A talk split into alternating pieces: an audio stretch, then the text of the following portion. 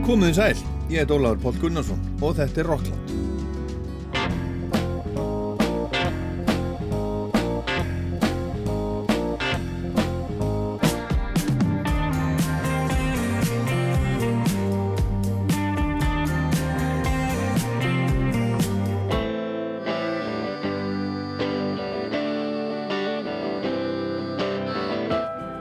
Tónlistarháttíðin G-festival fór fram í litla bænum Götu eða Göta í Færiðum núna í sömar. Rockland var G og við ætlum að vera á G í Rocklandi í dag. En þar var sko skemmtilegt að vera ekkert í sætt ykkur. Ungi kallar, kvartir kallar, gengi upp að gölfu dansi listi líf. Ólafur rúir eftir björgunum fram, kólet megjur vi, fann hann og par, olvaran. Ungi kallar, kvartir kallar, gengi upp að gölfu dansi listi líf. Þetta er hljómsveitin Harkaliðið frá Færiðum, Annika Haudal syngur og þetta er fyrsta lægið frá Færiðum sem ég man eftir að hafa heyrt. Þetta var mikið spilað í útarpinu þegar ég var lítill strákur, flott lag, dáleðandi sound og stemning, sungið á þessu sérkjænlega tungumáli sem er svo skilt okkar eigin og sagan er af Ólafi Riddararós. En síðan þetta var nýtt fyrir hálfri öld eða svo hafa mörg færisk lög verið spiluð í útarpinu í Íslandi, bæði Rás 1 og Rás 2 og oftast líklega Æfur Pálsdóttir frá Götu í færiðum. Æfur kemur við sögu í þessum þætti, vel og vandlega og líka ymsir aðra listamenn og konur sem tengjast á einn eða annan hátt tónlistarháttíðin í G sem hefur verið haldinn flest ár síðan 2002 í 20 ár Og eins og margir góður hlutir þá fættist hátíðin hálfpartinn óvart, var til óvart og upphafi má reykja til hljómsveitarinnar Clickcase sem segja má að hafi verið eins konar sigurmólar færiða kannski, hálfgeir supergrúpa frá þessum litla bæ, Götu. Söngkona Clickcase var einmitt Kornung Æfur Pálsdóttir. Í þettum í dag spjalla ég við Æfur sem var eitt af aðarnúmurum hátíðarinnar í ár og þar var líka Daði Freyr, Áskir Trausti sem ég spjallaði við líka og við heyrum í hérna eftir. Við heyrum í framkvæmdastjóra hátíðarinnar Sigvur Lagsá sem árum saman var umbósmaður Eivarar og svo heyrum við í Jón Tyril sem er hérna, upphásmönnum hátíðarinnar og var gítaleikari í Clickcase við heyrum í dönsku Doom Metal hljómsveitinni Köllu sem að spilaði á G unga rapparannu Marius DC og svo auðvitað fullt af annari færiskri tónlist Það er G í Rocklandi í dag og það er gott.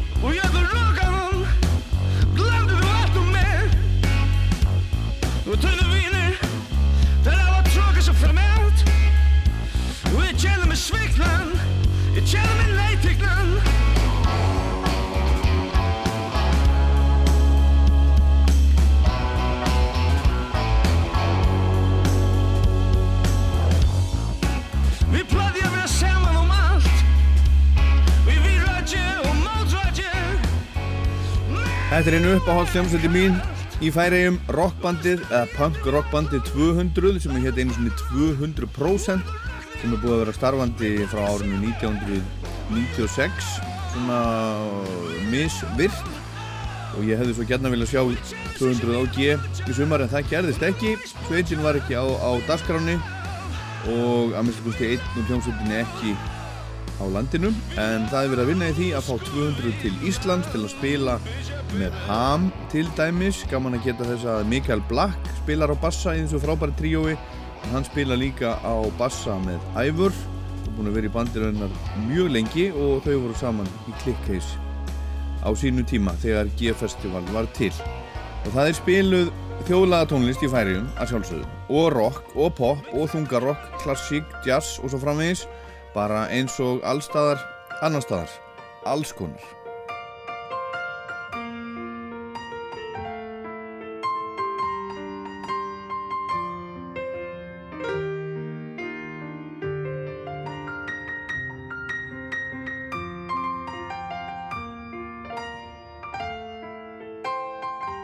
Hér er ég stattur í, á skrifstofu bæjarstjórans í Götu í fallega ráðhúsinu þeirra sem er hérna uh, byggt yfir yfir læk og, og hér er ég með ungum tónlistamanni, rappara sæll og blöðsæður Ja, man. Uh, hei.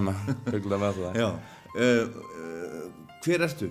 Segðu, segðu okkur Um, hvor er Jeg heter Marius Stusi. Jeg er en førsker, uh, rapper, uh, framleier, sanger. Um, Och jag har framförst för till Terra och Nörren folk om eh i Tinkhus stannar och så Göta Göta kommun eh burgershjörn där så ja. Ja. Och är du från Göta är inte Göta mer nej är från Torshavn du är från Torshavn ja. Ja en akkurat det inte akkurat det inte spela gitarr akkurat det akkurat det rappa?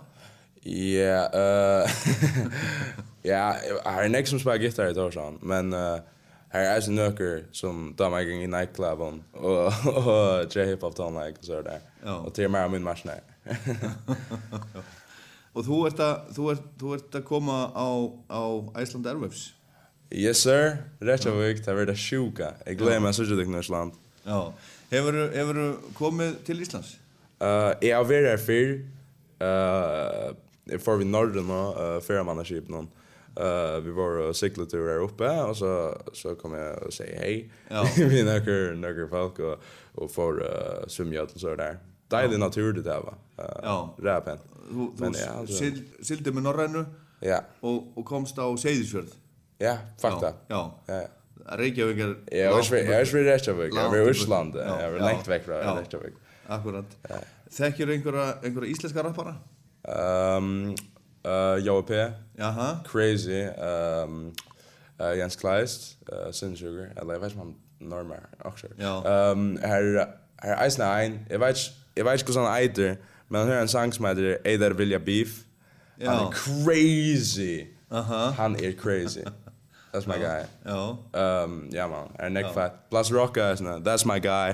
Shout out Blas Rocka. Ja, jeg tar seg han fyrir og så der. Já. Good guy. Þe, þe, þekkir hann? Hefur einhvern hitt hann?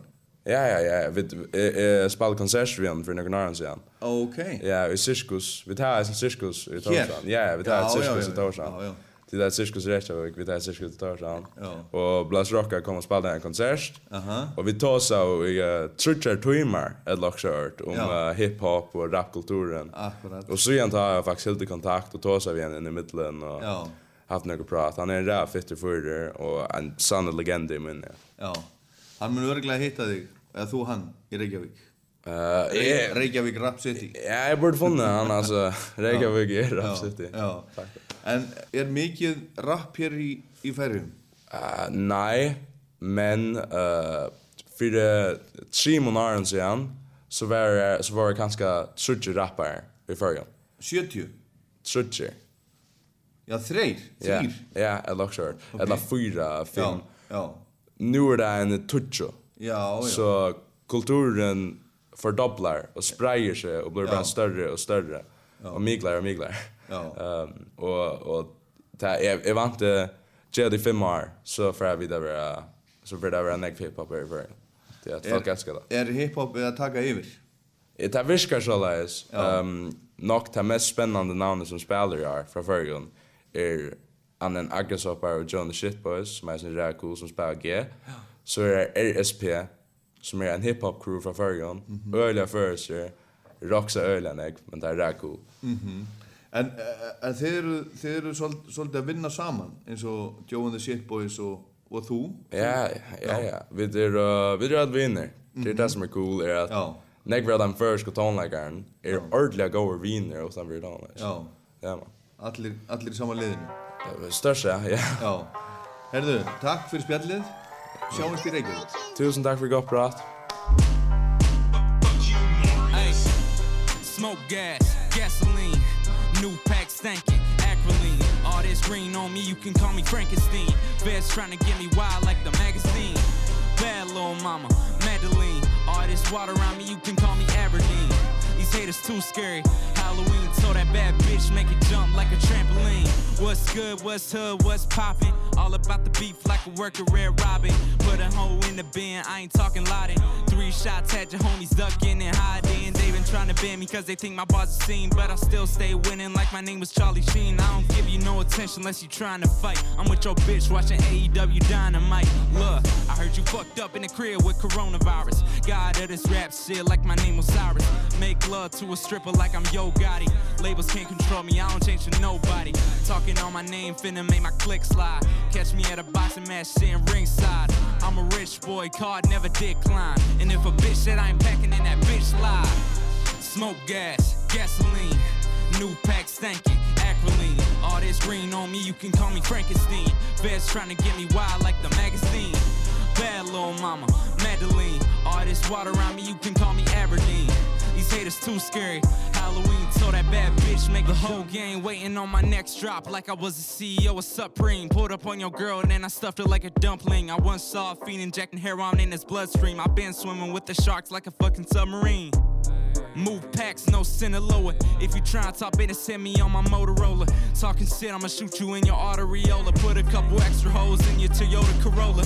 Don't you act up with your head down, smell the bitch within you. I got here early cause I heard the bitch was on the menu. Heard a rival was at your show, I might shoot at the venue. I don't know that ugly ass kiss, I say my nephew. If I was broke like you, I hate to, I never blame you. I'm a dope Þetta er mikill töffari og skemmtilegur strákur, hinn kortnungi Marius DC frá Þórsöfn sem að skemmti fólki á G-festival og tróð meðal annars upp í ráðhúsunni í götu á lögadeginum á G fyrir fjölmiðla fólkið sérstaklega sem að var, var starta hátíðin í ár. Stór skemmtilegu hlaka mikið til að koma og spila á Æsland Ervefs núna í haust og hann kastaði þarna kveðju á uh, Jóa P og Blas Rokka. Mikill aðdáðandi þeirra. Og rappið er á uppleið í færiðum segir Marius DC og pappans er líka rappari og tónlistamannur hefur reyndar aðeins dreigið sig í hlið en hann kallar sig MC Hár. Eftir tónleikana í ráðhúsinu fallega þarna í götu hrikalega flott uh, flott ráðhús og ég sagði að það var, byggt yfir læk. Það er byggt eh, raunverulega yfir lækin sem að rennur í gegnum þarna nýrðri, götu. Mjög flott og það er í ábyggilega bæjarstjórnar salnum þar sem að bæjarstjórnar fundir eru, eru haldnir. Þar er, þar er svona gler í gólfinu og þar horfir maður á lækin ótrúlega, ótrúlega flott. Arkitektur skipti máli. Umhverfi hefur áhrif á það hvernig nokkuð líður og allt það. En eftir þessa tónleika í ráðhúsinu þá var með bóðið í bíltúr í götu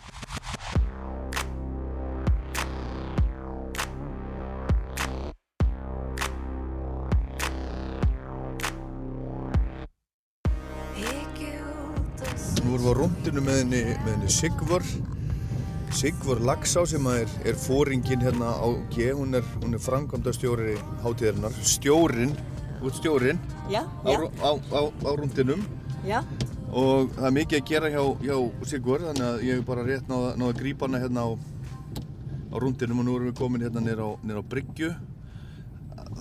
Er nú ekki eins gott veðri í, dag og það var í gær. Nej, tyvärr. það var æðislegt í gær Dagren Jar var helt fantastisk Ja. och en av de allra bäst. Já, það var æðislegt, það var sól og það var logn og fólk var á ströndinni og í heitupottunum og í sjónum og satt í sandinum og, og það var æðislegt. Öðruvísi stemning í dag, en þetta er samt allt i lagi. Ja, ja, eh, det vill räkna illa och vi har sindra vinter. Men det blir bättre så att ni där så vill det bara helt fint i kväll. Já, Och ta bara vidare lust efter Oskar trösta. gott kvöld, kvöld, já, åt og till. Eivor, Ei- Æ- Eivor. Ævor, Ja, Ja. så lär se vi det förrjun. Ævor, eh, já, ég, ég ruggla þessu stundum, stundum saman. Island, Islendingar säger Eivor och Ja. vi säger Eivor. Eivor. Och det är okej. Já, ég ætla að reyna að munna þetta, nei, Ævor er betra. Helt du det? Já, okej. og hún var bara hérna, hérna í stuði í gær Ja, Er, er fólk ekkert að, ekkert að svona, svona trublana þegar hún er hérna? nei, ekkert alls ikke, nei, nei. Ekkert svoleiðis? Nei, hon gonger bara akkurat folk Ja. på av festival og hon får fri. En ég, ég sá að það var mikið af fólki, mikið af ungu fólki að, að tala við daða. Þeir voru að fá, Ja, fá ja, ja. myndir með sér og Oh my god! Ja, jeg halte han er ordentlig populær i Ja, førjone. já, já. Hann var, hann var flottur í gær. Øyla, fantastisk. Ja. sást? Ja, ikke alle konsertene, men nesten allan? Ja, ja, ikke, ikke alle, Já. men det var øyla godt. Ja. ja. Og, og hafa, hafa alltaf verið íslenskir tónlistamenn og G. Jeg husker til at Ja. det var i akvarium og ære. Ja. Jeg er ikke alveg viss, men jeg halte det. Já. Er eitthvað samstarf á milli G og Æsland Airwaves? Eða, e, e, eða Íslands og, og, og Færiga? Ja, det var ofta, alltså Island Airwaves har har ofta sent om på GFSVL. Ja. Och det ser man om på från GFSVL är ofta som oftast av Airwaves ösnä så ja. Ja, det samstar. Um, umbod. Ja, alltså bo, bo, booking manager or I would ja, go, go to ja. Iceland Airwaves ja. or their people would come here and yeah. they would book ferry spans. Ja. Så samstar. Ja. Samstar, samstar var mycket gott. Ja. Ja. ja. En, en hvernig farið þið að þessu? Þetta er, það eru 2300 manns Ja. sem búa í þessum bæ og þið gerir þessa stóru, flottu tónlistarháttíð með útlenskum hljómsveitum og listamönnum. Mhm. Ja. Hvernig látið þetta ganga upp? Ja. How do you make it work? Ja. Eh det är bara tog att vi får gå och hjälp från Neckbon Honton. Ehm tar vi se, eh, sätta upp, eh, da vi bygde upp festivalen, ja. så brukar vi fotbollsfällare som heter Vikingor, ja. Vikingor. Ja. And uh, til öll að hjálpa. Það koma 50 manns við um, öllun ambóðun og så koma bötn og ungfölk og ja, og, det er bara hjálpa, hjálpa að byggja upp. Ja, är det, är det sjálfbóðlinar? Eða er, En- er, er fótballtaliðið Ja, að fá einhverja peninga? Ja, uh, li, li för penningar, Já, men de som vinner, já, de gör det för li. já, Ja, så já. det är självboj, således. akkurat. Já. Já. Og þú ert, þú ert stjórinn, ertu að vinna eitthvað annað líka? Ja, eh, att lyda sinter vi Iver. Jag var ombudskona till Iver Ja. i 15 år. Já, Og det er ikke langer, já, men jeg er stjåre i uh, firma til Iver. Så, Já, þú sånne ert að vinna om- með henni Jeg, ja, jeg ennþá. arbeider ved henne i Øysene, ja. Já. Men ikke, fer ikke ut i heim, og det er mer sånne omsittinger litt. já. Så skilja, eh, om, omsitting, já. um, Umsýsla. omsisla, ja, Já. ja, ja, Þú ert að, þú ert að vinna um, fyrir æfur, Ja. allt árið ja, og svo er það G. og så okay. Allt árið. ja. There's a shallow river running down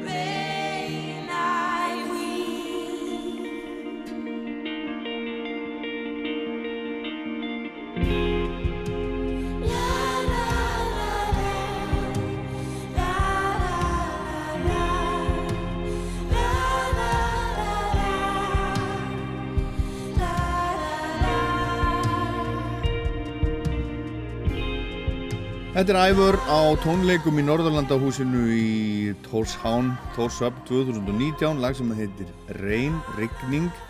En Norðurlandahúsið í Tórsöp er eins og blanda af Norrannahúsinu okkar í Vassmýrinni. Það er í rauninni svona systra stofnanir.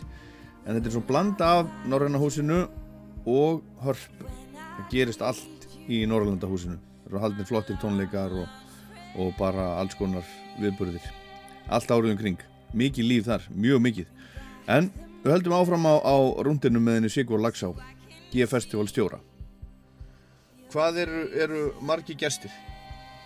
Um, jeg husker at det er nær vi eh, 5000. 5.000? Offshore, ja. ja, já, það er mjög mikið ja, ja. mjög vel gert Men ta telja vi til vi som arbeider som kjølbøyen, Ja. som arbeider 12 timer, og så får de og så armband. Ja. Så jeg kom til festivalen. þannig já, ef þú, ef þú vinnur í 12 tíma ta, ta først du færðu jeg armband. kom til. og er, það, er það líka í, í, í, í þú veist, á barnum Ja, og svoleiðis ja, ja, det. Ja. þið eru með það allt saman þið Ja. eru með alla söluna Nei, eh det er eh hotel förjar oh. som er vid Sölna och Barrna. Ja. Men folk som arbetar här är ösne självboy det allra mesta. Ja ja. Det är ganska 10 15 20 ekva som ja. som är då lönarlista och hin är självboyen fel ja. som vinner fyra sutt fel. En är det inte att jag detta er dyrt att få alla dessa dessa listamenn och såna. Ja. Är det inte att få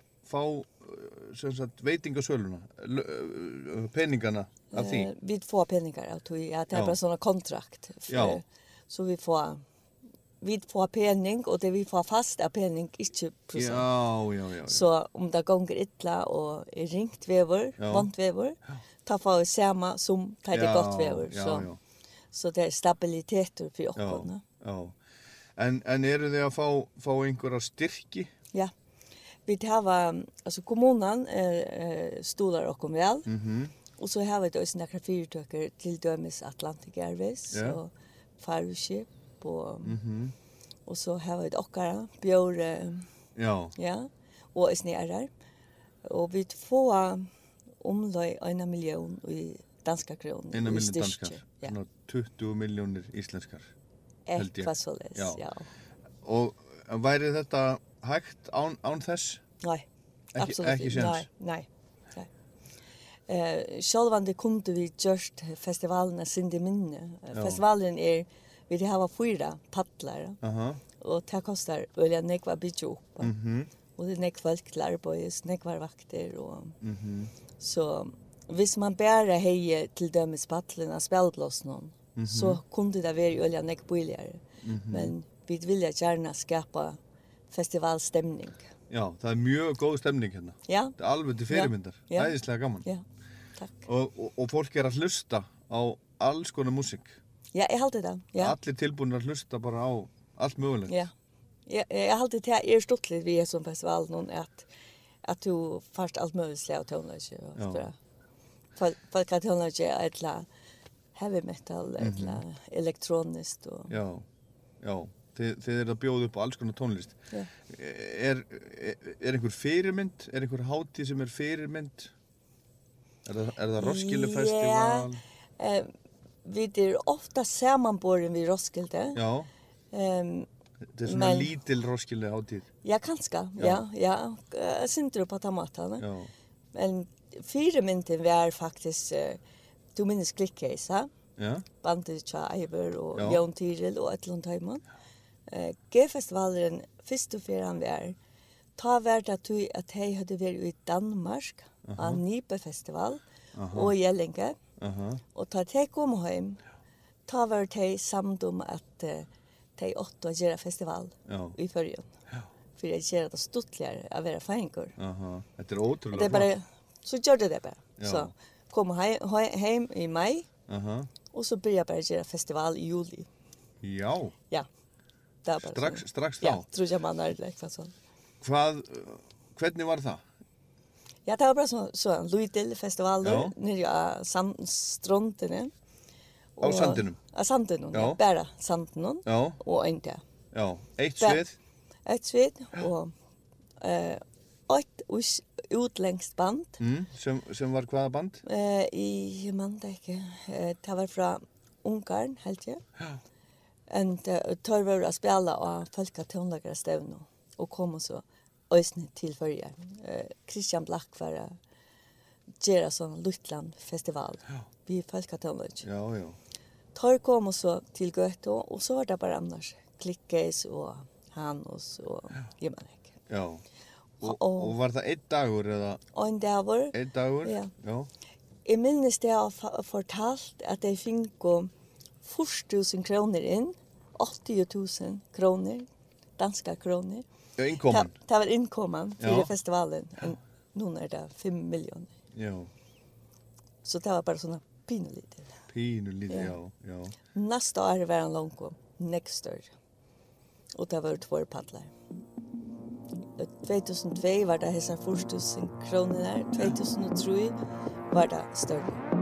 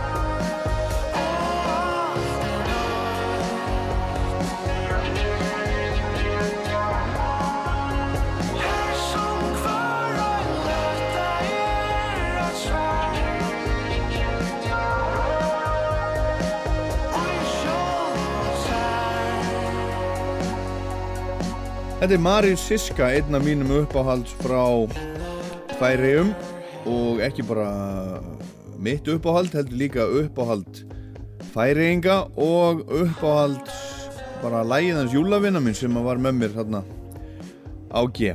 Marius spilaði á samt sínu frábæra bandi á stóra sviðinu á G, á sandinum, í fjörunni í götu. Þetta er hrikalega flott allt saman og veðrið var gott og músíkin var frábær, umhverfið æðislegt, maturinn, fólkið, hafið og fjöllin og bara allt.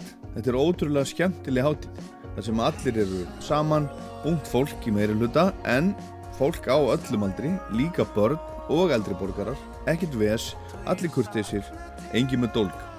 Það voru um það byrjum 5.000 manns á G í ár en fyrsta árið voru svona 800 segir Sigur Lagsá framkvæmda stjóri hátíðarnar eða stjóri á G eins og það segir færi i halte at det var okkur som 800 folk eller okkur så. Men det var bare ordentlig bil at det skulle 100 kroner. Jeg helt at det var crazy. Mm. At det er konsert. Kjelst? Ja, jeg helt det. Jeg er vaksen opp i Sirugøtta. Ja. Og jeg vet at stronten og vattnet er bare, det kommer bare. Ja. Det er, du kan ikke alltid ha konsert. Og samt noen i Sirugøtta ja. helt det. Men uh, tar det du just den första festivalen. Alltså nej den nästa ja. som var större. Ja. Så var det pura sält och helt att det var bara fantastiskt och och nu är det så løs att och likar att bärgas vid naturerna. Ja. Det er pastor alltid. Ja, ja. Ja. ja. Och til at det kommer ringt vävor. Ja. Så kommer bara vikingren og i feiringen. Ja, ja. Ja, Men det er bedre det har gått vever. Þetta, já, það er betra, en þetta Ja. verður fínt, fínt í kvöld, er það ekki? Smá, hu- jeg husker det. smá þoka hérna og svona. Ja. Og í kvöld er það Ásgeir, Ævor, hver er fleiri? Ausger og Eivor og Teitur. Ja. Gillionary. Mhm. eh, eh, eh, og en, han var 50% of Major Lazer. Mhm. Guri spiller Mhm, Østene. ja. Jeg, jeg minnes ikke ja. alle. Er, er, ekkert, er ekkert erfitt að fá svona stór nöfn frá útlöndum til þess að koma á svona lít, lít, lítið festival? Jo, det er. Um, uh, og budsjettet for tonelagen er ikke så størst. Mm -hmm. Så jeg minns godt øyne for vi har spurt om John Fogerty. Aha. Og um, det kostar 3 miljoner eller och så danska kronor. Ja. Och det är trutja för när som tonlaka budget är ju också. Tre så sen nu. Ja, ja. Och vi vill ju inte bruka allt på några pengar och på ett band. Mhm. Eh tror att vi vill ju ha vi vill ju ha center blanda vi vill ha necknön och vi vill ha festival. Ja. Så det är nog så rikt att få stor utländsband. Mhm. Mm det är vanliga kostar för nekv. Já, en eru þau tilbúin stundum að koma fyrir minni peninga að því Já, að þetta er svona, já. svona sérstakt? För mindre penning Är än det det så? får äras ja. Já, já. Já. já. Skemmtilegt. Þið passið alltaf upp á að það eru alltaf einhverjir svona af svæðinu með lokal fólk. Ja, ja, Einhverjir úr götu og, og öðrum bæjum. ja. Mikið af færiðingum. Þekktum og óþekktum en þekki? Hva? Hva? Uh, það, það er ekki allir þekktir? Nei, nei, nei, ikke, nei. Um, altså, føringarna er sånn, det er nok så vel kjentir i början, det er et lite land, men utlendingarna som kommer, det er ofta sånne nødt oppkomming uh, nøvn, så, og det er damer og nødleve. Uh, og det er ofta det du kommer hjem av festivalen, så husker du at det er nødt som du hørte, mm -hmm. vært her som hører. Stottligt och som är överraskande och som är Þetta er frábært sigur. Til hamingju með þetta. tack. Til hamingju. Ja. Takk, takk fyrir mig. Ja. Tack Och- för att du komst. Já, takk. Og þurfum við ekki að leggja af stað? Er þetta ekki á leiðin á fund? Ja, jag får jag punt vi sponsorerna här nu, Ja, så vi, vi får skulum- nekva en vi penning i skulum- nästa år. vi skulum ja. sätta- sätta igång. Och, um, ja, vi får bara festival. Já, já. Ja, okej. Tack Af för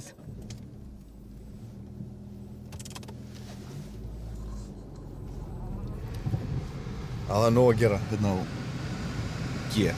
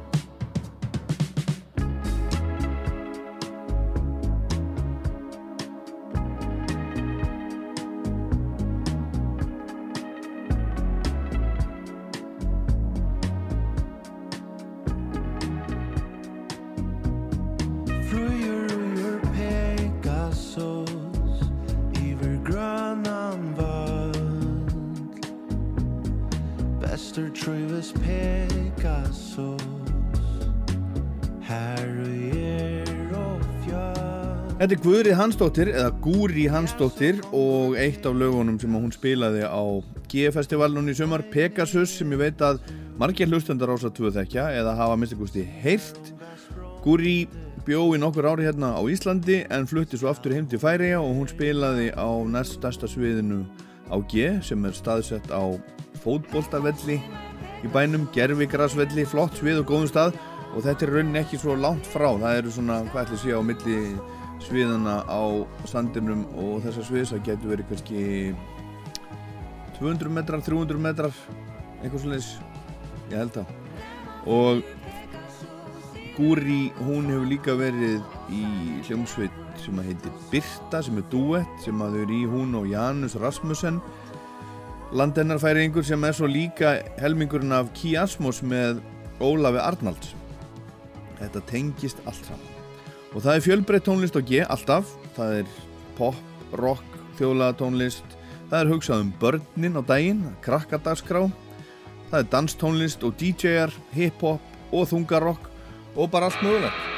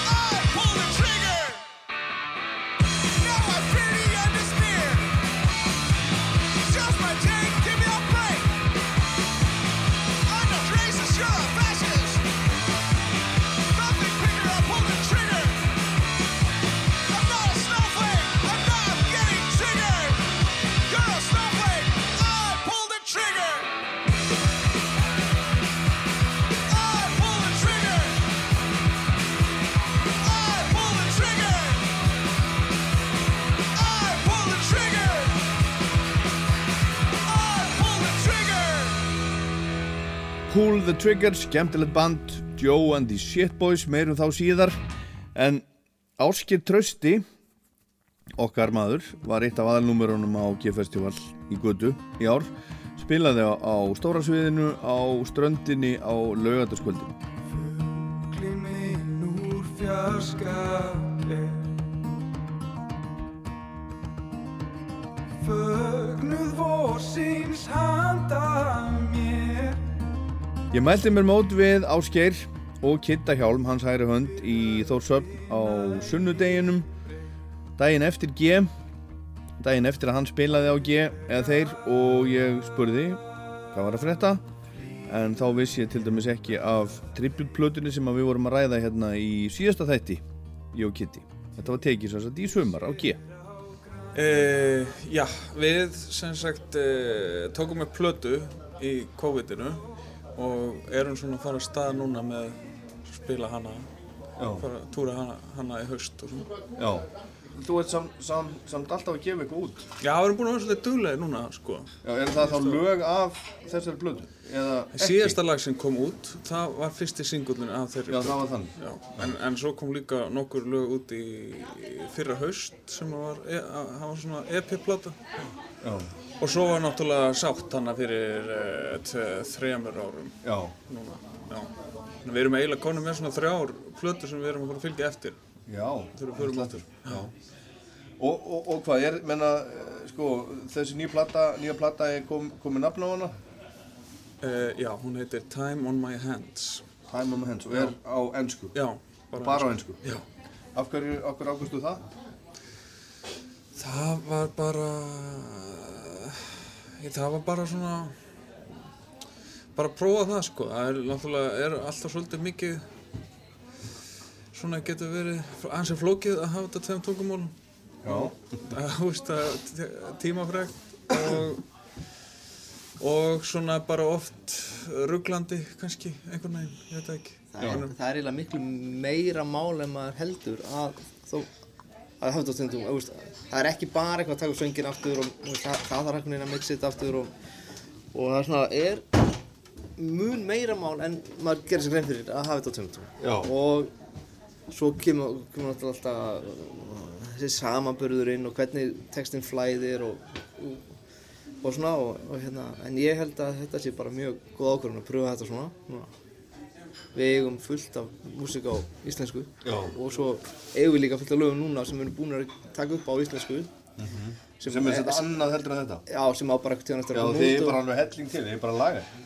Áskeið var alveg svakalega duglegur í COVID-19 Já. Bara, já, það er ekkert að gera. Hvar, hvar sattur þú þetta? Sko, eitthvað þessu var bara svona til, sko, eitthvað sem maður fann í skuffu eða í, í, á hörðudisk. Já. Og hérna, En þú ert búinn að klára þess að núna, bara tilbúið Eh, lög. plötuna? Nei, bara svona alls konar lög sem já, eru bara klár. Uh, já, einhver. Þeir eru eiginlega aldrei alveg klár Nei. fyrir þau koma út. Já, Þú getur fiktað þið inn Já. alveg þangað til að þau koma út, basically. Og hérna, það er nú okkar svona reynsla að það er svona, við notum alveg fram á síðustu stundu. Við vorum með þess að með lagi sem er núna var að fara í spilun.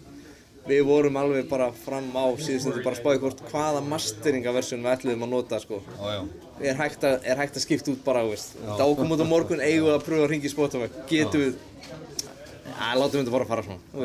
Maður er alveg, það er hægt að hafa svolítið svona, það er hægt að vera alveg fram á síðustu stundu að hérna, fíkta þessu. Hvenær er lagið tilbúin? Þetta er bara einhver ákvörðun.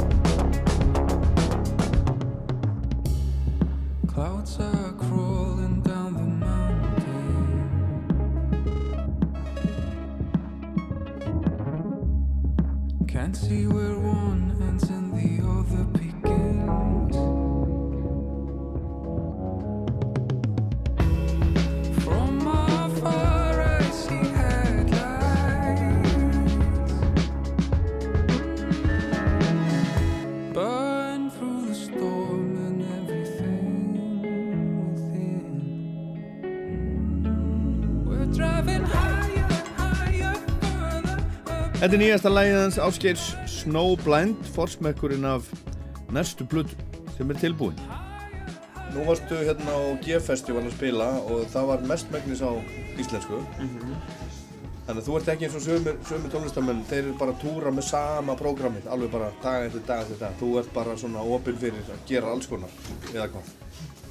Sko, þetta er bara búið að vera alltaf svolítið skrítið núna. Við erum alltaf búin að fara eiginlega bara svona eitt og eitt gig hér og þar, sko. Að við, og við höfum eiginlega alltaf haft tíma til að undirbúa og taka æfingartíma fyrir sérstaklega þá eitt eða tvö gig, sko.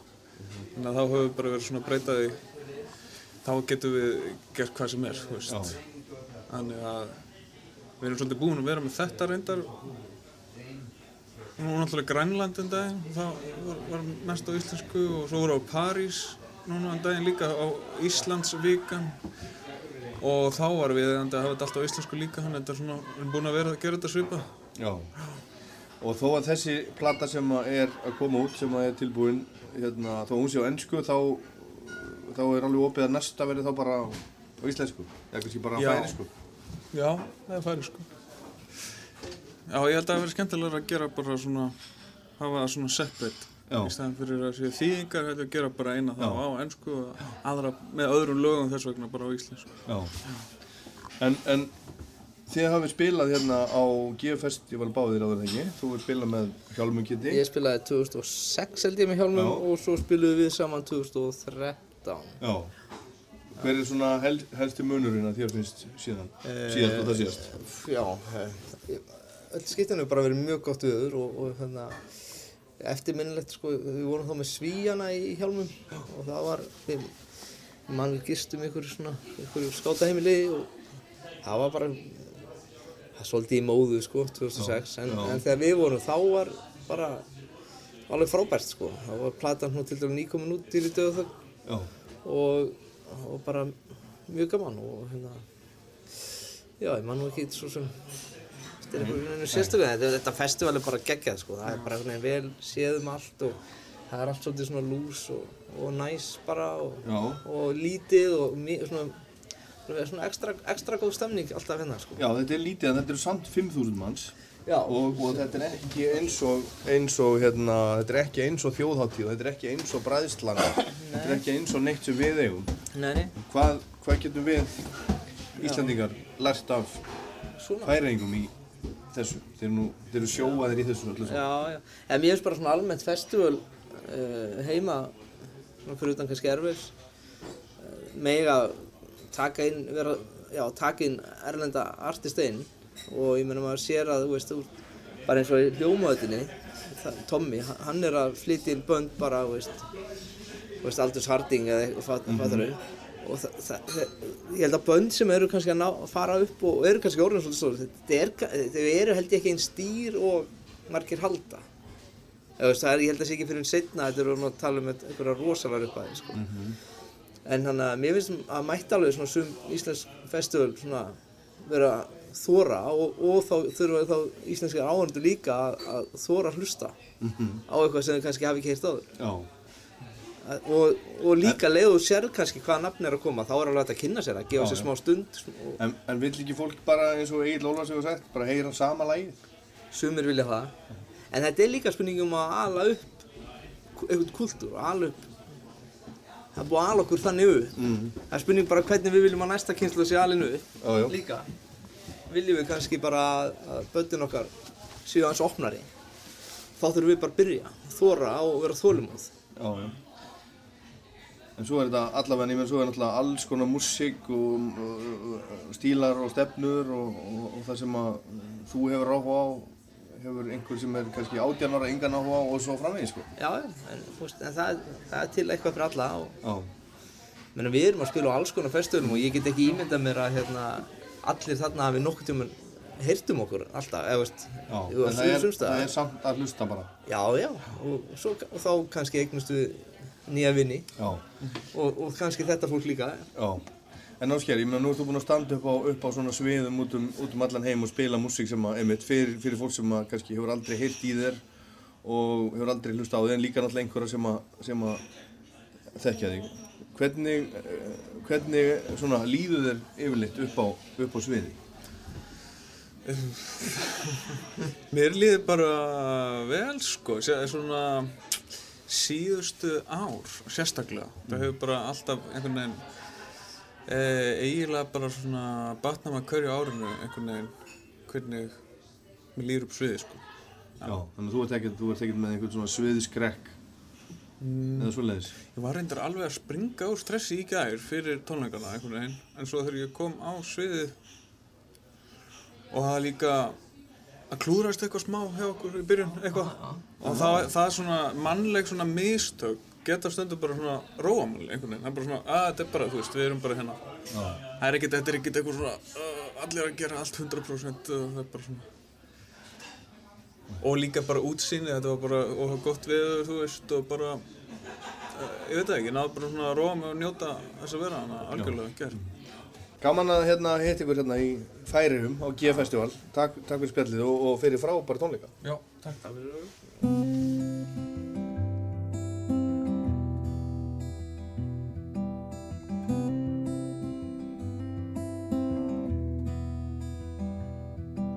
Summer sands around the bend just flying. The swimming suits are on the line just drying. I'll meet you there for a conversation. I hope I didn't ruin your whole vacation. Well, you never know how far from home you're feeling until you watch the shadows cross the ceiling. Well, I don't know, but I can see it snowing. In your car, the windows are wide open. Just come on home. Come on home. No, you don't have to be alone. Just come on home.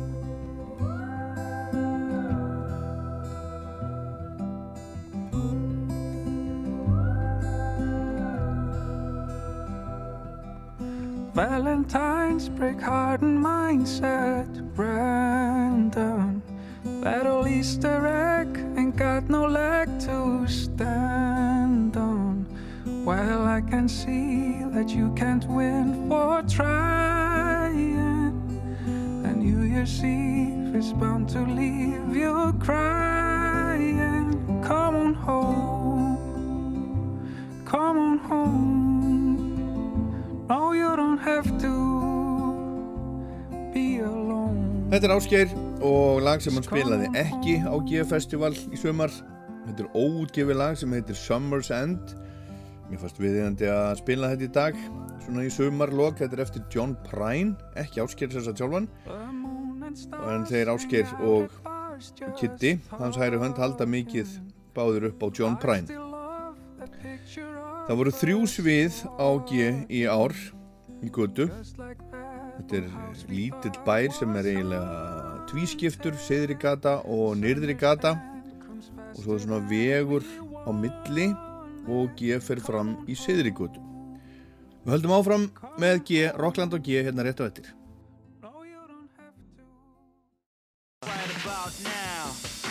Funk soul brother, check it out now. This is Rockland in Iceland on Icelandic Radio 2 with Fatboy Slim.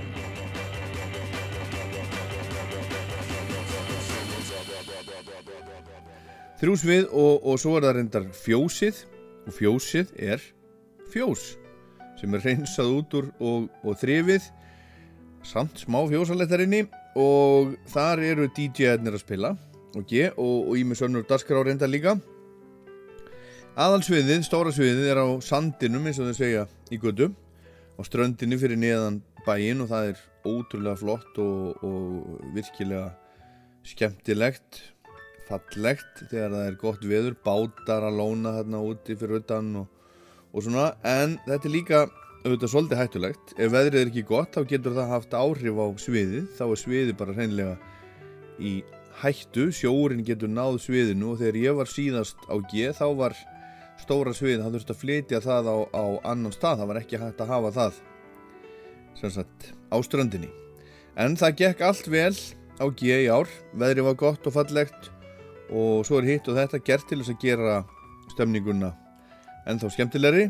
Það eru til dæmis heitir pottar á sandinum svona stórir trépottar koma svona kannski 6-7 manns í hvert pott þeir eru eldkynntir, viðarkynntir og fólk skellir sér í pottana og feð svo í sjóin sumir aftur og aftur og jafnvel meðan það vera að spila á stóra sviðinu á sandinum og svo eru veitingatjöldu þetta og barir og svo framvegis Það er komin þó nokkur reynsla á þetta, þetta hefur byggst upp, upp jamt og þétt á undanföldum árum en hátíðin átti 20 ára ammæli í ár.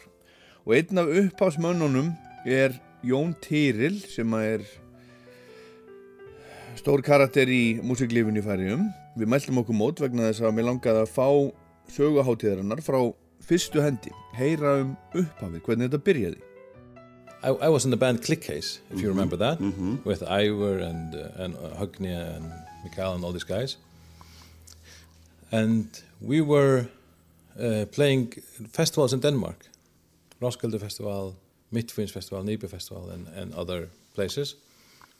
And one night we were sitting in a bar talking, and uh, how fun it was, how nice it was to have festivals and all this. And there was no festivals in the Faroes, no music festivals. And we just decided there on the spot, let's make a festival when we come back to the Faroes. Uh-huh. And the band was, uh, I had uh, was part of starting a, uh, a music association uh, here in in Göta for musicians in the area. It was Mhm. called Grot or Mhm. Grot in Icelandic, yeah. And several of the band and the guys around the band were in. It was pretty much the same environment or the same people. So when we we decided this evening that okay, let's make a festival. And Solan said Solan was there and he said yes, and it has to be on the beach in Sirugöta. Uh-huh. Yeah, okay, yeah, yeah, that's fine, let's do it. And then uh, at the same time we decided that it was going to be called G exclamation mark. Mhm. Which was a stupid joke we had within the band. We would we would say a sound uh, like this. No.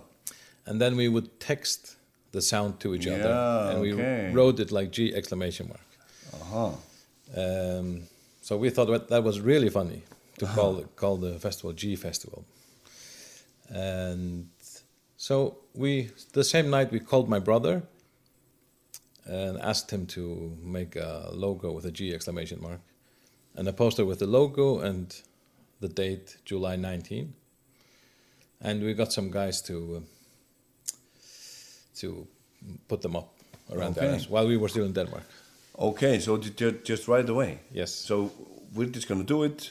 We Yes. are gonna find out later how it's gonna Yes. how we're gonna do Yeah, it. So yeah. we're just gonna do it. We just decided on the place and the Mhm. name and the date, and then we'll find out the rest. Ah, good. yes. Um, the North Atlantic way of doing things. Yes. Yeah. so when we came back to Faroes, I think there was 10 days or something that we had. Really? Yeah. So we had to put together a program and get PA system and, and all this. Uh, but it all went together well. But it was just for one night, one Yeah. stage for one night, and I think maybe 10 bands. Ten bands, okay. Yeah. Wow. Uh, from from the Faroes, local bands, yeah. Mhm.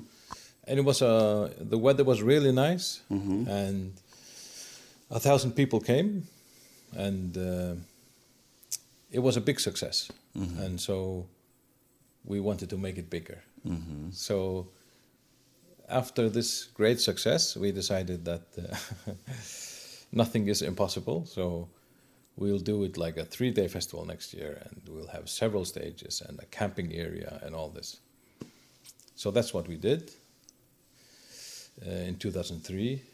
And we had. Uh, And the first one was that 2000 and 2002 was the first one. So this is the.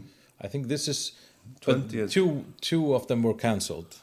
Yeah. So it, But it would have been the 20. Uh, it, it is first, I think. the 20th anniversary of the festival this year.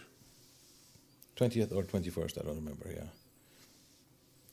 It's Uh, 20 years since you started it. Yes, it's 20 years since we started it, yes. That's, that, that, that's a it- birthday, even if you cancel. Yeah, yeah, yes, yeah.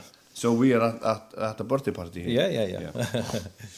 Yeah, so the next year we, uh, for 2003, we we just made it much bigger and booked, I don't know how many, maybe 20 foreign bands. And- 20 foreign bands? Yeah. Wow. And we had um, maybe 15, I don't remember exactly how many, but it, it was a big chunk of the program was Mhm. international bands. And we had um, stage at the beach and Spelleplosse and in Losjan in Göteborg Mhm.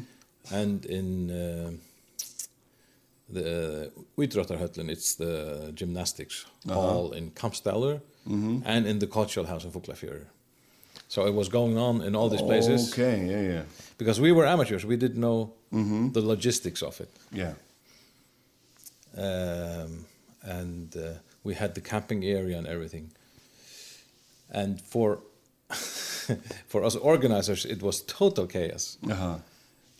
But we managed to make it look okay. And uh, what people experienced was really nice. They had a Mhm. really good experience. So it was a big success Mhm. also. And then, yeah, yeah, through the years we found out how to concentrate it in Sirugöta Mhm. because it was a nightmare to have all these stages, all these places, yeah. So that's uh, how it started actually, and but it it was very um, uh, early on. We became very, uh, how do you say, uh, ambitious to make a really nice festival, make organize it really well, and and we had from the start we had the mindset that we need this the um, the purpose of the festival is to introduce new and nice music to the Faroese audience Mhm. and bring in music from from different places and and all the new music from the Faroes and also yeah to to advance the Faroese music scene Mhm. and then to connect it to Yeah. other music scenes which was a, a big part of everything I can still remember sitting in my room on the floor. You just turned 11, so had I. Three weeks before, we'd be on the landline talking. My dad yelled from down the hall to just invite you over and get off the phone.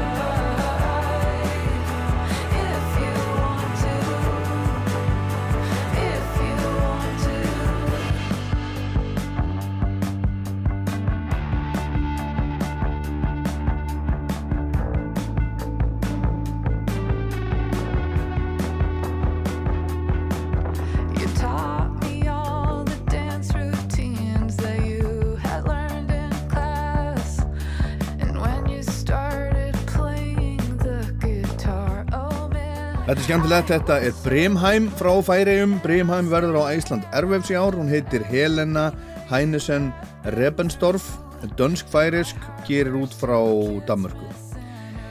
En hann Jón Tyril var hérna áðan að segja okkur frá upphafi G-festival og þetta var þannig að hljómsveitin hans Clickcase var í Danmörku, þau voru að spila á, á festivalum fyrir 20 árum síðan, voru að spila á Hróaskeldu og Midfinns festival og Nýpa festival og einn daginn í Danmörku voru þau á, á barnum að, að spjalla og tala um hvað þetta væri æðislegt, hvað þetta væri skemmtilegt að vera á svona tónlistarháttíð og þau töluðu sér inn á það að bara gera svona háttíð í færi og umbóðsmaðurinn þeirra Sólarn, hann eh, sagði já, við erum að gera þetta á ströndinni í fjörunni í Sýrigutu og það kom strax upp hugmyndanafni sem var þetta G og upprópunamerki og það var svona brandari, þau gerðu eitthvað svona hljóð sem að þau skrifuðu svo sem G upprópunamerki voru að senda það á milli sín í símónu, það voru kominir farsímar á þessum tíma. Þetta var svona djók og þeir sendu þessa hugmynd á, á bróður Jóns heim í færiðum, hann bjóð til logo þeir settu plakot og komu svo heim frá Danmörku úr þessum litla túr. Og vikuð tíu dugum setna þá settu þau upp fyrstu hátíðina þarna í götu, það voru tíu bönd eitt svið, næstum þúsund manns segir Jón. Um, Sigvar var hérna á þann að tala um að það verið svona 800 en þetta er svona 800 til 1000 manns eitthvað svo leiðis og þetta gekk vel og þá ákvaðu þau að halda áfram gera þryggjadaga hátíð, fá Erlend bönd. Og annað árið þá stækkaði þetta og, og þau voru með tónleika ekki bara í götu, þetta var svona svolítið drift þarna í kringum, kringum götu en Jón segir, við vorum amatörar vissum ekki hvað, hvað var að gera, það var mikill metnaður og tilgangur var strax að kynna nýja og spennandi músík frá færium, bæði færiska og frá öðrum löndum og reyna í leiðinni að koma færisku tónlistinni út fyrir landstinnana svolítið eins og, og markmið hefur alltaf verið með Æsland Ervefs. Og auðvitað hefur G haft heilmikil áhrif á tónlistarlífið í færium Yeah, I, I think it has been uh, a driver of many things. Because uh, bands want to get on on the program, Mhm. and it's not so easy to get on the program. You have to be pretty good to get on the program, and uh, and they want the exposure that they get, Mhm. and it's it's a kind of a approval stamp if you get on the program. Mhm. So so that has an impact on how ambitious they are and okay we need to make new music we need to practice and all this Mhm. um, and they know that a lot of uh, foreign press and agents and and organizers and all this Mhm. come to the festival so they uh, uh, so they can try to get to play festivals and stuff abroad, Yeah, yeah yeah. that I dream about So, so there are, there are, uh, so you would say that, of course, the world has changed in the last 20 years, and there are more festivals all over the world. Yeah. So, but you would say that, that, uh, that the festival has uh, had the impact of, of bands going more often to play other countries. Yeah, I think most of the Faroese bands that have been abroad for the last 20 years, they have gotten the contact Mhm, some here. way, yes. Yeah, yeah. Through the festival some way, yeah. Mhm. It, it's a connector, yeah. Mhm.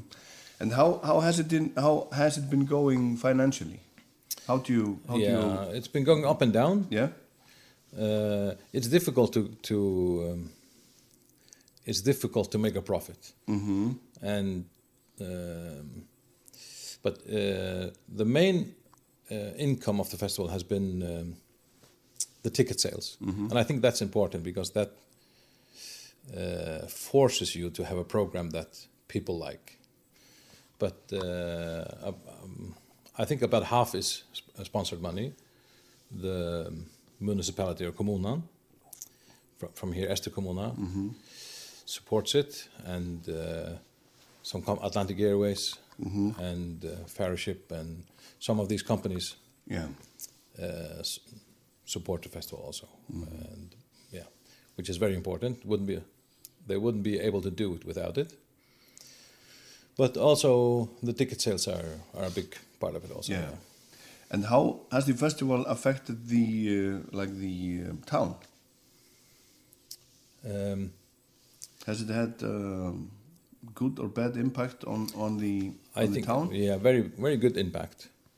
Maybe not so much financially or uh, anything like that, but um, it has become part of the identity. Mhm. So if you if you ask the kids in school to paint a picture of what is Goethe or something Mhm. like that, That's music. yes, Yes. it's music or G or, or Yeah. yeah.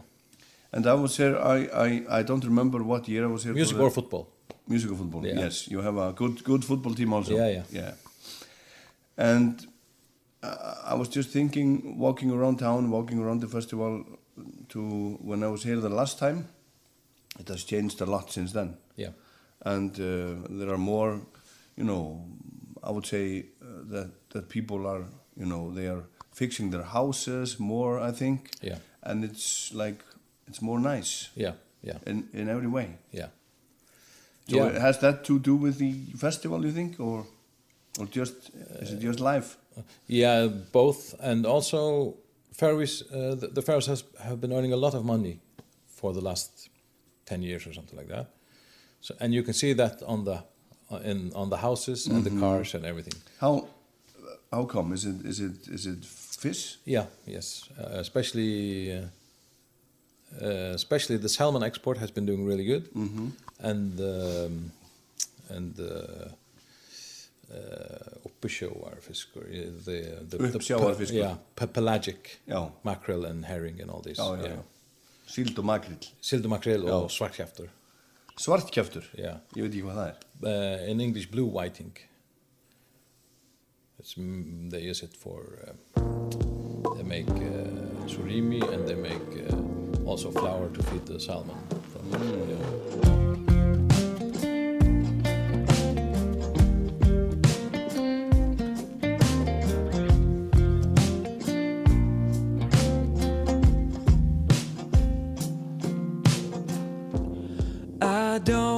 Know how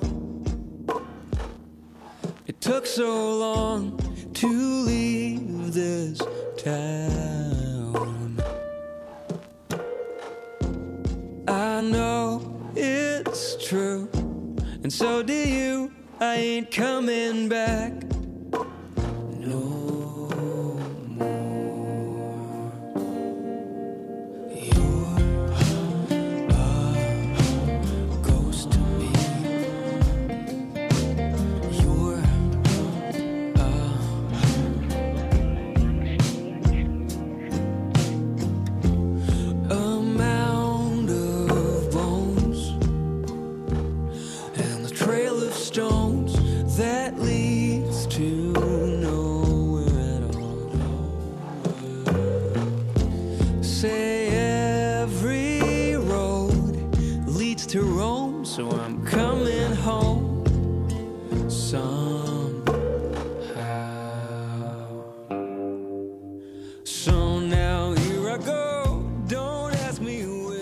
Ennþá á G-festival í Færiðum hérna í Rocklandi í dag. Rockland var á G og það er G í Rocklandi í dag. Þetta er hæfileikar ykkur ungu maður sem að kalla sig Horace með tveimur errum. Lægi heitir You're a Ghost og ég sá hann spila á heimatónleikum í götu á miðvíkutaskvöldinu fyrir G.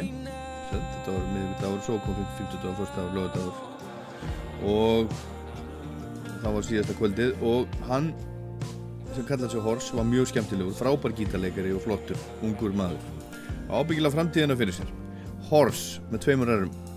Jón Tyril sem að var framkvæmdastjóri í G til að byrja með fyrstu árin, hann segir að það sé erfitt fyrir fólk að, að komast til að spila á G en hátíðin hafi haft heilmikil áhrif á tónlistarlífið í Færiðum að sjálfsögðu, það segir sér bara sjálft og stór fyrirtæki í Færiðum hafa verið duglega að styðja við bakið á hátíðinni og hátíðin hefur líka góð áhrif á allt mögulegt í Færiðum og tekjurnar koma sem bæði frá miðasölu og styrtaraðalum sveitafélagi leggur svolítið til og flugfélagið Atlantic Airways Færiðaskip og fleiri fyrirtæki. Og þetta væri ekki hægt án þessa stuðnings, segir Jón. Og G hefur haft líka jákvæð áhrif á, á bæinn, samfélagið hefur haft áhrif á, á ímynd þessa litla bæjar, götu og hann segir að fiskvinnsla, lagseldi og fiskveiðar, síld, makrill og kolmunni, svartkjaftur eins og það kalla hann þar gangi mjög vel í dag. Og þeir eru til dæmis mjög stoltir af lagseldinu sínu færiðingar og mér skilst að um það byrja helmingurinn af útflutningstekjum færiðinga í dag sé af sölu eldislags sem að þeir segja að sé besti lags í heimi. Og þeir eru reyndar ekki þeir einu sem að segja það You were, you were the manager from 2002 until 2013. 13. Yes. And why did you quit? um, it became too much for me. Yeah, it, uh, my my life.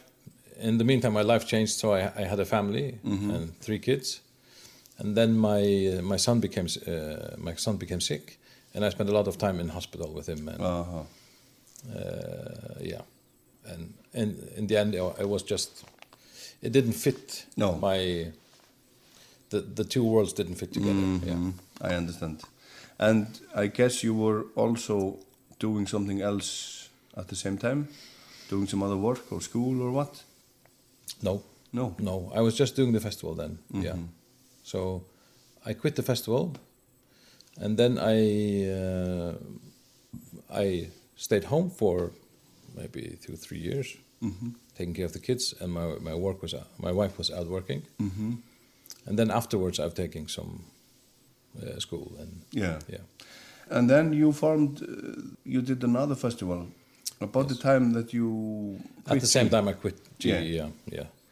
And and that has affected Iceland a little bit. That's the that's the Hoima festival. Yeah. How did that come about? That that great idea. Yeah, uh, it came about in 2007 because Geo Festival went bankrupt in 2007. Uh, we had a really nice festival, uh, extremely good lineup and everything. It was maybe the nicest uh, G Festival ever, and the most expensive, because we just we just bought everything the best, the best, the best, the best, and we went bankrupt afterwards. And who were playing? Who were the biggest acts? Uh, there were so many. Uh, there was uh, Natasha Bedingfield was there, Mhm. and uh, there was Metronomy from the UK, Mhm. and there was.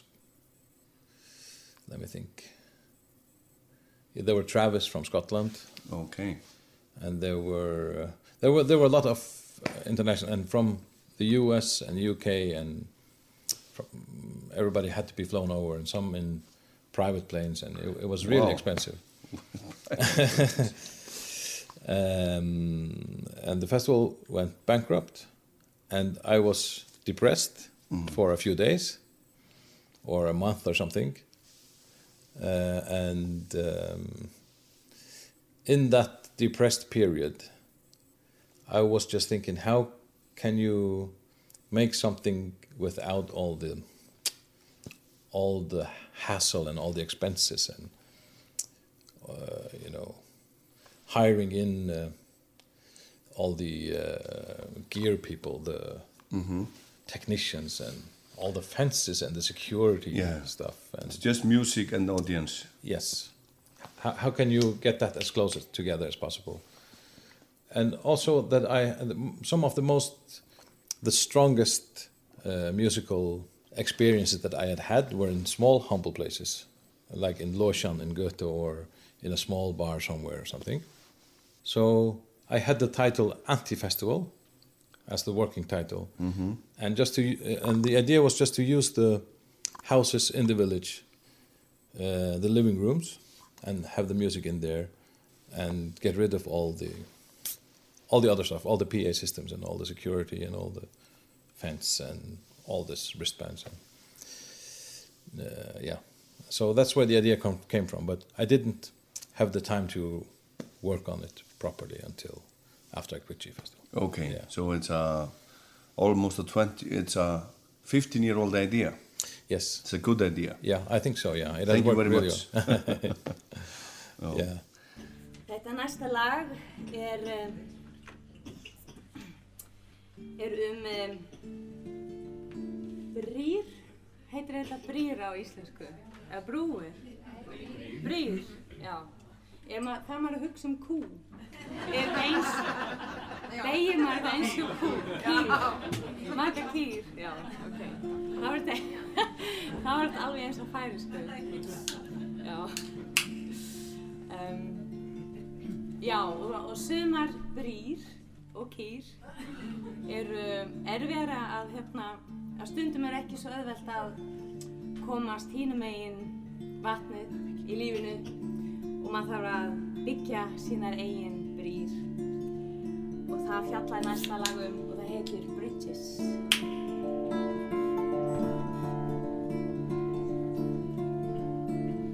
Some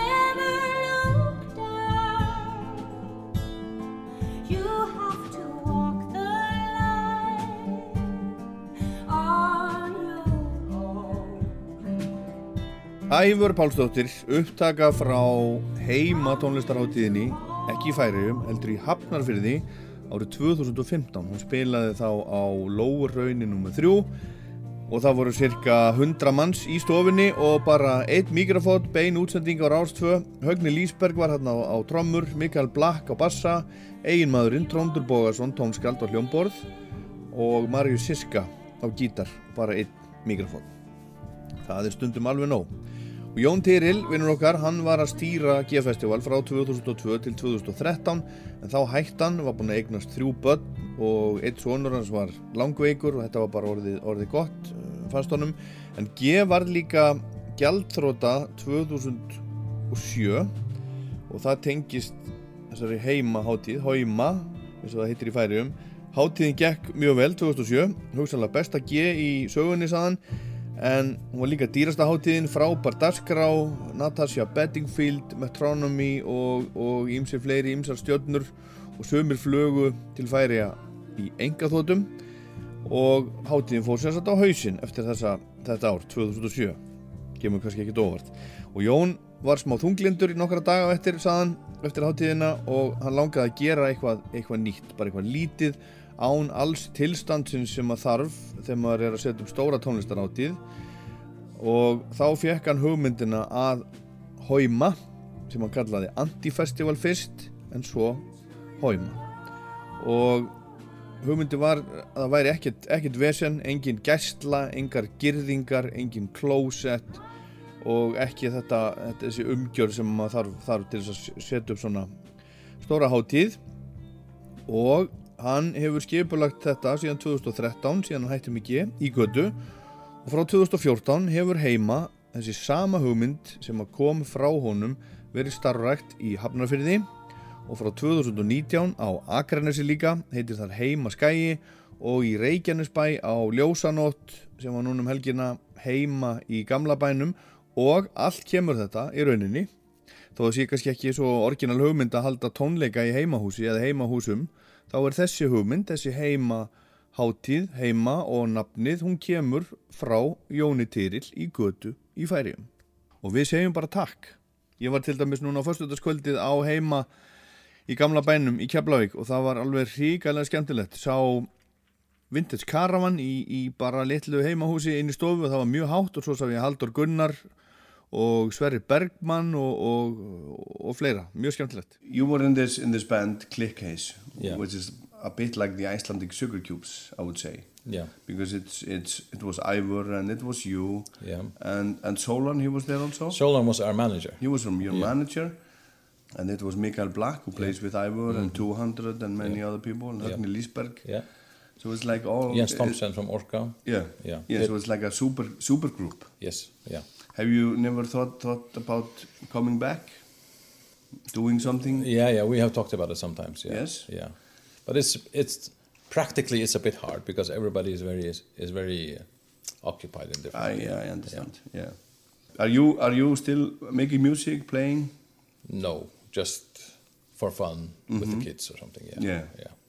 And you're not thinking thinking about a serious music career. Not a career, but I'm I'm I've since I stopped, Mhm. I have had this um, dream of doing something, not as a career, but just for Mhm. just for doing it. Yeah. Yes. Are there any any any any other ideas that you have? Any any any new new festivals? No, but we have expanded on the Hoima. Oh. Yeah. So we made uh, something called Hoima Beat. Yes. Beat is uh, is the word for it means bite in English. Yeah. Yeah. Heimabiti. Yeah. Yeah. Um, and which is uh, home concerts. Yes. And food. Afterwards. Yes. Yeah. So you you come to a concert in home and then you eat food afterwards. Yeah. Yeah. Just very very simple, but That's nice. Yeah. And and what about uh, in the homes at the home festival? Uh, is there is there no food there usually? Mm, Yeah, they yeah people put forth some snacks. Yes. Yeah, it not it's not dinner or anything No, like no, that. no. Yeah, and people go from one house. It's it happens in ten houses. Yeah. So people go from one house to another Mhm. all the time. Uh, while Heimabeat you were in one house for an Yeah. evening. Yeah, both are nice formats. Yeah. Svo, Jón, Já. Tyril, takk fyrir, takk fyrir spjallið, takk Já. fyrir G og takk fyrir heima. Tack för pratet.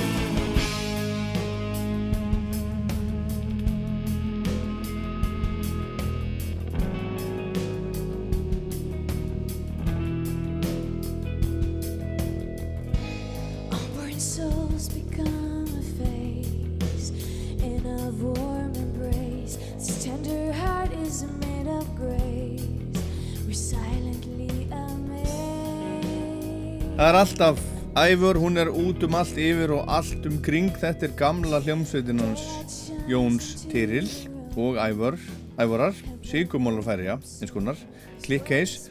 Þarna voru Pétur Pólsson á, eða hann söng og Ævör.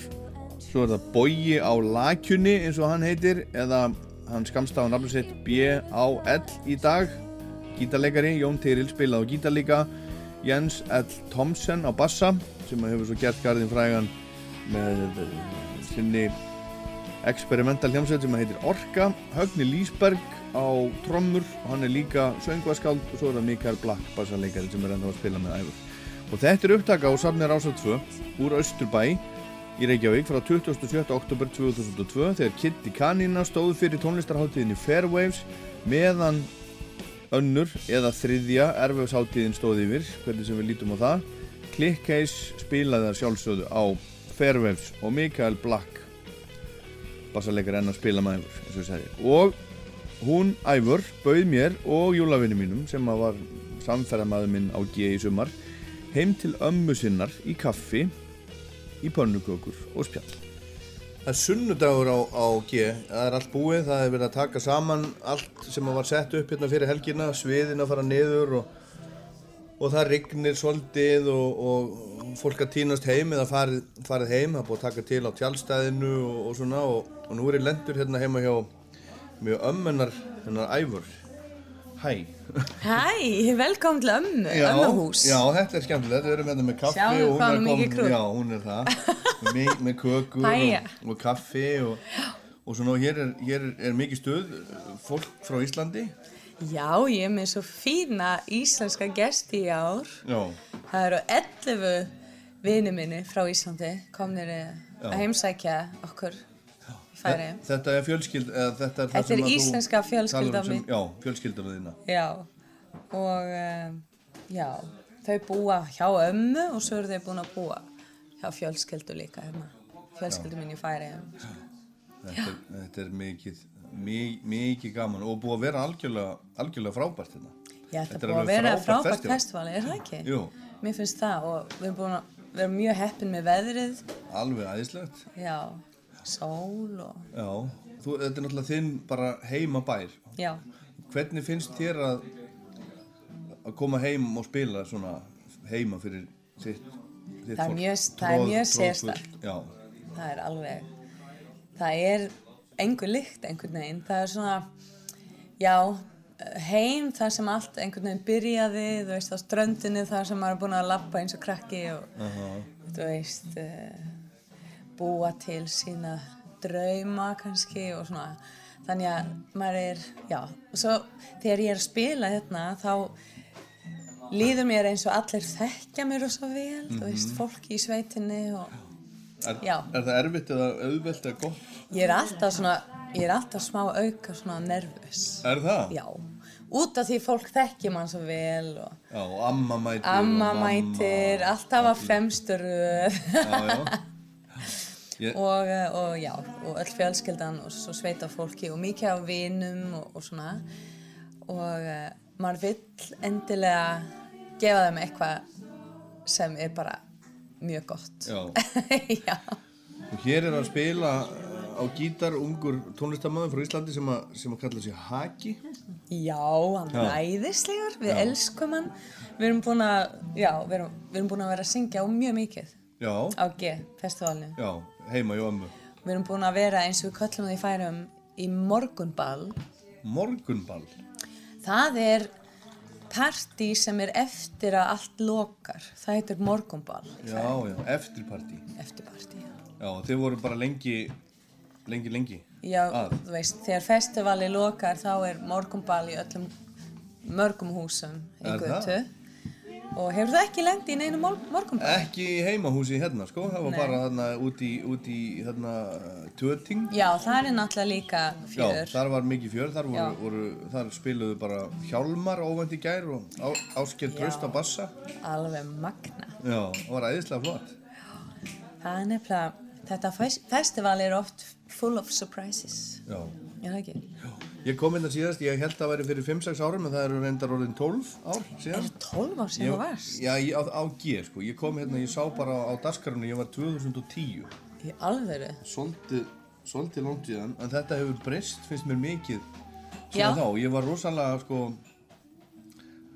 uh, já, það komir, eða þú veist, já, skemmtilega óvart hvað þetta er, hvað þetta er óbúslega vel skipulagt og haldið vel utan um þetta. Já. Það er alveg, bara, það er alveg magnað. Og svo voru hérna, sko, bara, segðu, sko, 5.000 manns, eitthvað svoleiðis. Já, fullt af fólki. Já. Æðislegt og það er nefnilega það sem mér finnst svo skemmtilegt og fallegt við þetta festival maður, ég, ég þekki náttúrulega þau sem eru að, að sjá um það og það, það er svo mikið af svona sem við köllum það hérna eldsálum sem Mhm. bara halda utanum þetta Já, út af því, bara út af uh, áhuga. Ek, ekki út af því að þau græða mikið á því en Nei. út af því að þau elskum um, Já, að búa til þetta þetta er festival ekki, og, þetta er ekki hægt öðruvísi og það er óbúslega margir sem koma að þessu sjálfbóðaliðar og það þarf að setja upp fullt af girðingum og setja upp klósett og svo er verið að selja hérna mat og kaffi og og, bjór og allt, allt bara mjög svona gott, góð gæri, góður matur og saltfiskur á ströndinni, alltaf að nei, sána og sána, já, heiti pottar og já, þetta er. Skelltu Þetta allir það? elska þetta festival. skelltur þér í, í heitapottin Herðu, ég náði því aldrei, nei. Nei. Hann var reyndar tróðfullur. þeir voru allir tróðfullir Allir maður fór bara onni hérna litla pott með einhverjum Hvað með ykkur, voru ég, þið? ég fór onni, já, Þú, já, og auðvitað. aðeins út í sjó Auðvitað, æðislegt. Í sólinni. Já. En, en hvað hérna, er, er að gerast annars hjá, hjá þér núna? Núna Hvað- er ég að eiginlega, á morgun er ég að byrja uh, túrin mín Mhm. í Ameríku og fyrst ég er að fljúa til Kanada á morgun og svo er ég með, uh, já, á tónleikaferð þar og svo heldur það áfram í, til Bandaríkinn Já, í einn og hálfa mánu eitthvað svona. í einn og hálfa mánuð. Með bandið og allt, Nú allt er, er það? Já. Allir að fara með? Allir að koma með, já. Og þetta er æðislega hljómsveitin út með. Takk, já, ég er rosalega ánæg og heppin. segðu mér aðeins uh, frá þessum sem, sem eru með þér. Já, það er um, Mikael Black náttúrulega sem ég er búin að, er að bassa og ég er búin að vinna með honum í meir en 20 ár. Já. Hann spilaði líka á fyrsta, fyrstu plötunum mínu sem ég gaf út þegar ég var 16-17 ára og við erum ennþá að spila saman og svo eru tveir ungi strákar með mér í viðbót og það er um, Per Ingvaldur á trómur, Æðislega trómari. flottur trómari og svo Mattias Kapnas á, á piano. Já, Þannig að við erum þrjú og svo erum við hljóðmann Já. líka, Theodor sem er með. og eru þið þá sagt fimm að ferða saman? Hvað með umbósmann, Já, ljósamann? svo, er, svo erum við með uh, tour manager sem heitir Emily sem er stelpa frá Noregi sem sér um, þú veist, að keira túr Já. uh, Já, hún keiri líka. keirir og svona skipuleggur og Já. já. Og er, og er þetta þinn, þinn eigin túr? Já, og þetta er fyrst, minn fyrsti svona headliner túr í Ameríku. Já. Þannig að ég er mjög spennt. Og er þetta bara, sagt, þetta er bara svona fullt sjó, bara hvað, 70 myndur eða, eða 90 já. eða? Já, ég spila yfirlegt svona 90, 90 Já. minútur, já. Og hvað ertu, eh, já, þetta er fyrsti túriðin til Ameríku. Hvað, hvað er þetta að spila í, spila í stórum húsum? Þetta eru svona, þetta eru mátuleg, þetta er svona kannski eh, 1500-2000 Já, manna er capacity og svo, það va- varierar smá, sumir aðeins minna, sumir stærri. Já. En, uh, og ég held uh, að það selur vel, þannig að ég bara, Já, þannig ég vona að það bara gengur vel. Amerikanarnir Kannski er, ég vona að þessi bara tilbúinir að heyra smá æfru tónlist. Já. Loksins. Já, en, já, já, já, já, já, komið tími til. Love.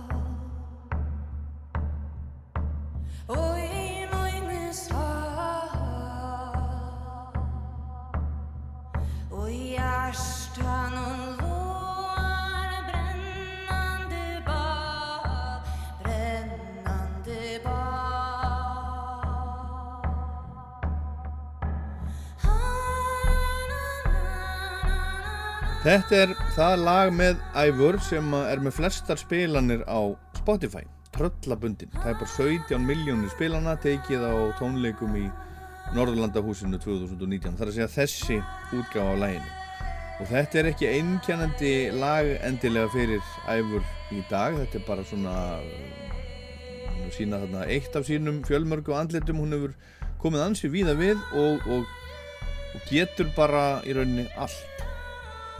Já, ég, ég skilgreini því oftast þannig bara að, að, þú veist, fyrir mig hefur það bara verið svo mikið ferðalag, þú veist, í gegnum tónlistina og er náttúrulega búin að vera lengi að búa til tónlist, þannig að maður byrjar einhver staðar og svo er þetta eins og, svona, eins og lífið ferðalag og maður fyrir gegnum alls konar um, tímabil og já, kant, smá country á tímabili og smá jazz á einu tímabili og það sem ég er að gera núna er einhvern veginn held ég svona uh, hvað heitir það?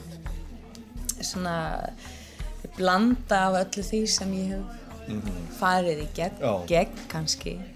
Og smá rock og smá þú veist. Já, en þú ert búinn að finna alveg mér, finn, mér líður þannig Já. núna að ég er á, á góður braut einhvern veginn bæði e, í tónlistinni og því sem ég er að skapa og gera og, og sérstaklega líka með fólki í kringum mig. Það er svo mikilvægt að hafa e, fólk sem er e, að styðja það sem, sem þú ert að gera. Nú er, nú er eins og, eins og Mikael.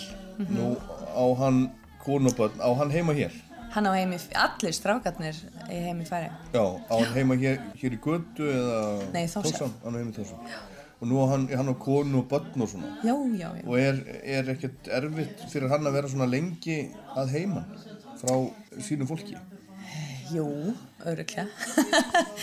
og ég held að, þú veist, ég, ég, ég hugsa það að það er erfitt að vera í burtu frá fjölskyldu og svona en svo er þetta náttúrulega líka allt fólk sem hefur valt tónlistina og það er það sem maður er að gera og það er svo stór hluti af því að vera á túr og spila.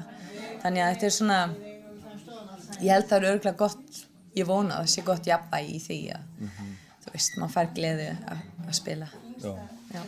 Og, og það er Amerika núna, einn og hálfu mánuður, hvað er, hvað er svo eftir það? svo er bara beint í Evróputúr eftir það Já, með, með, bara- með strákunum líka? Já, þetta er bara rosalit túrár hjá mér.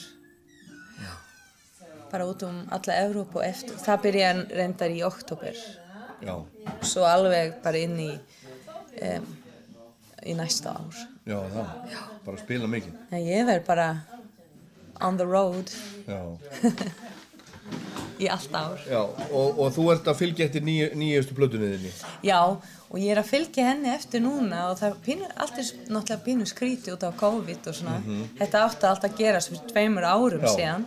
Það er seglplatan ekki? Jú, Já. þannig að það er rosalegt delay á öllu og ég ég er tilbúin með aðra plötu í vasanum Auðvitað. en Sem, sem er búin að taka upp? nei, Nei. bara semja og ég er með svona mjög spennt en, en það er bara ég verð að býða út af því Já. ég er ekki búin að fylgja síðustu plötun minni eftir alveg þannig að ég er að reyna að vera þólum og gera eitt hlut í einu Já. Og er, hver er einhver svona stór, stór breyting frá, frá síðustu plötu? Eða þú veist, þú veist, ertu hvaða þróun er frá henni í, yfir í þessi nýju lög?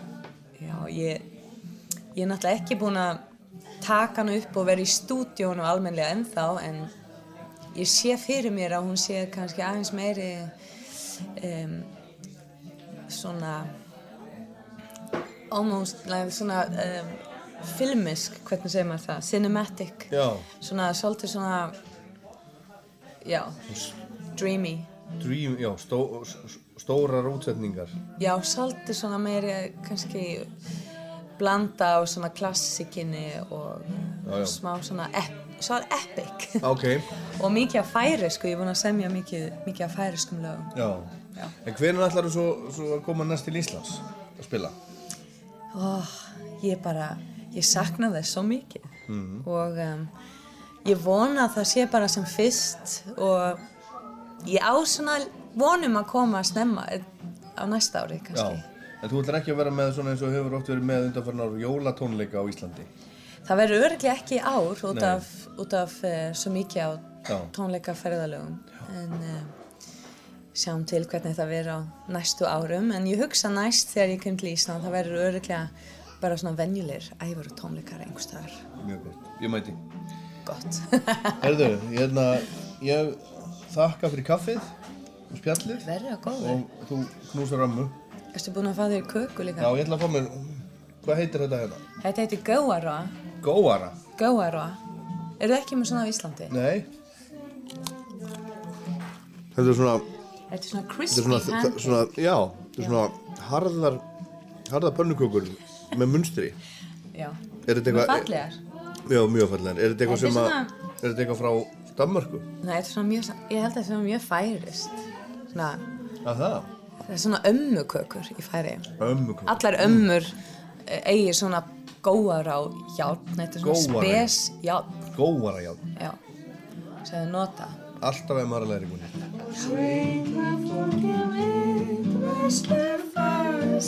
andar er og eina fráka full sína ég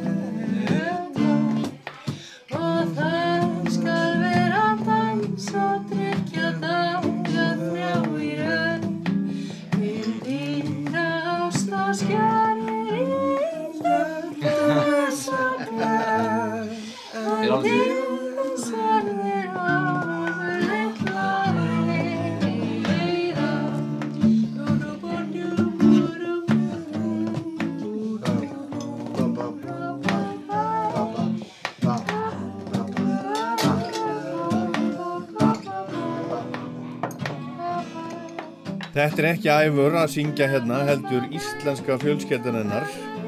eins og hún kallar hana í sunnudags söngstuði heima hjá ömmu á sunnudeginum á G í sumar. Sunnudagar eru góðu dagar, ekki síst á G.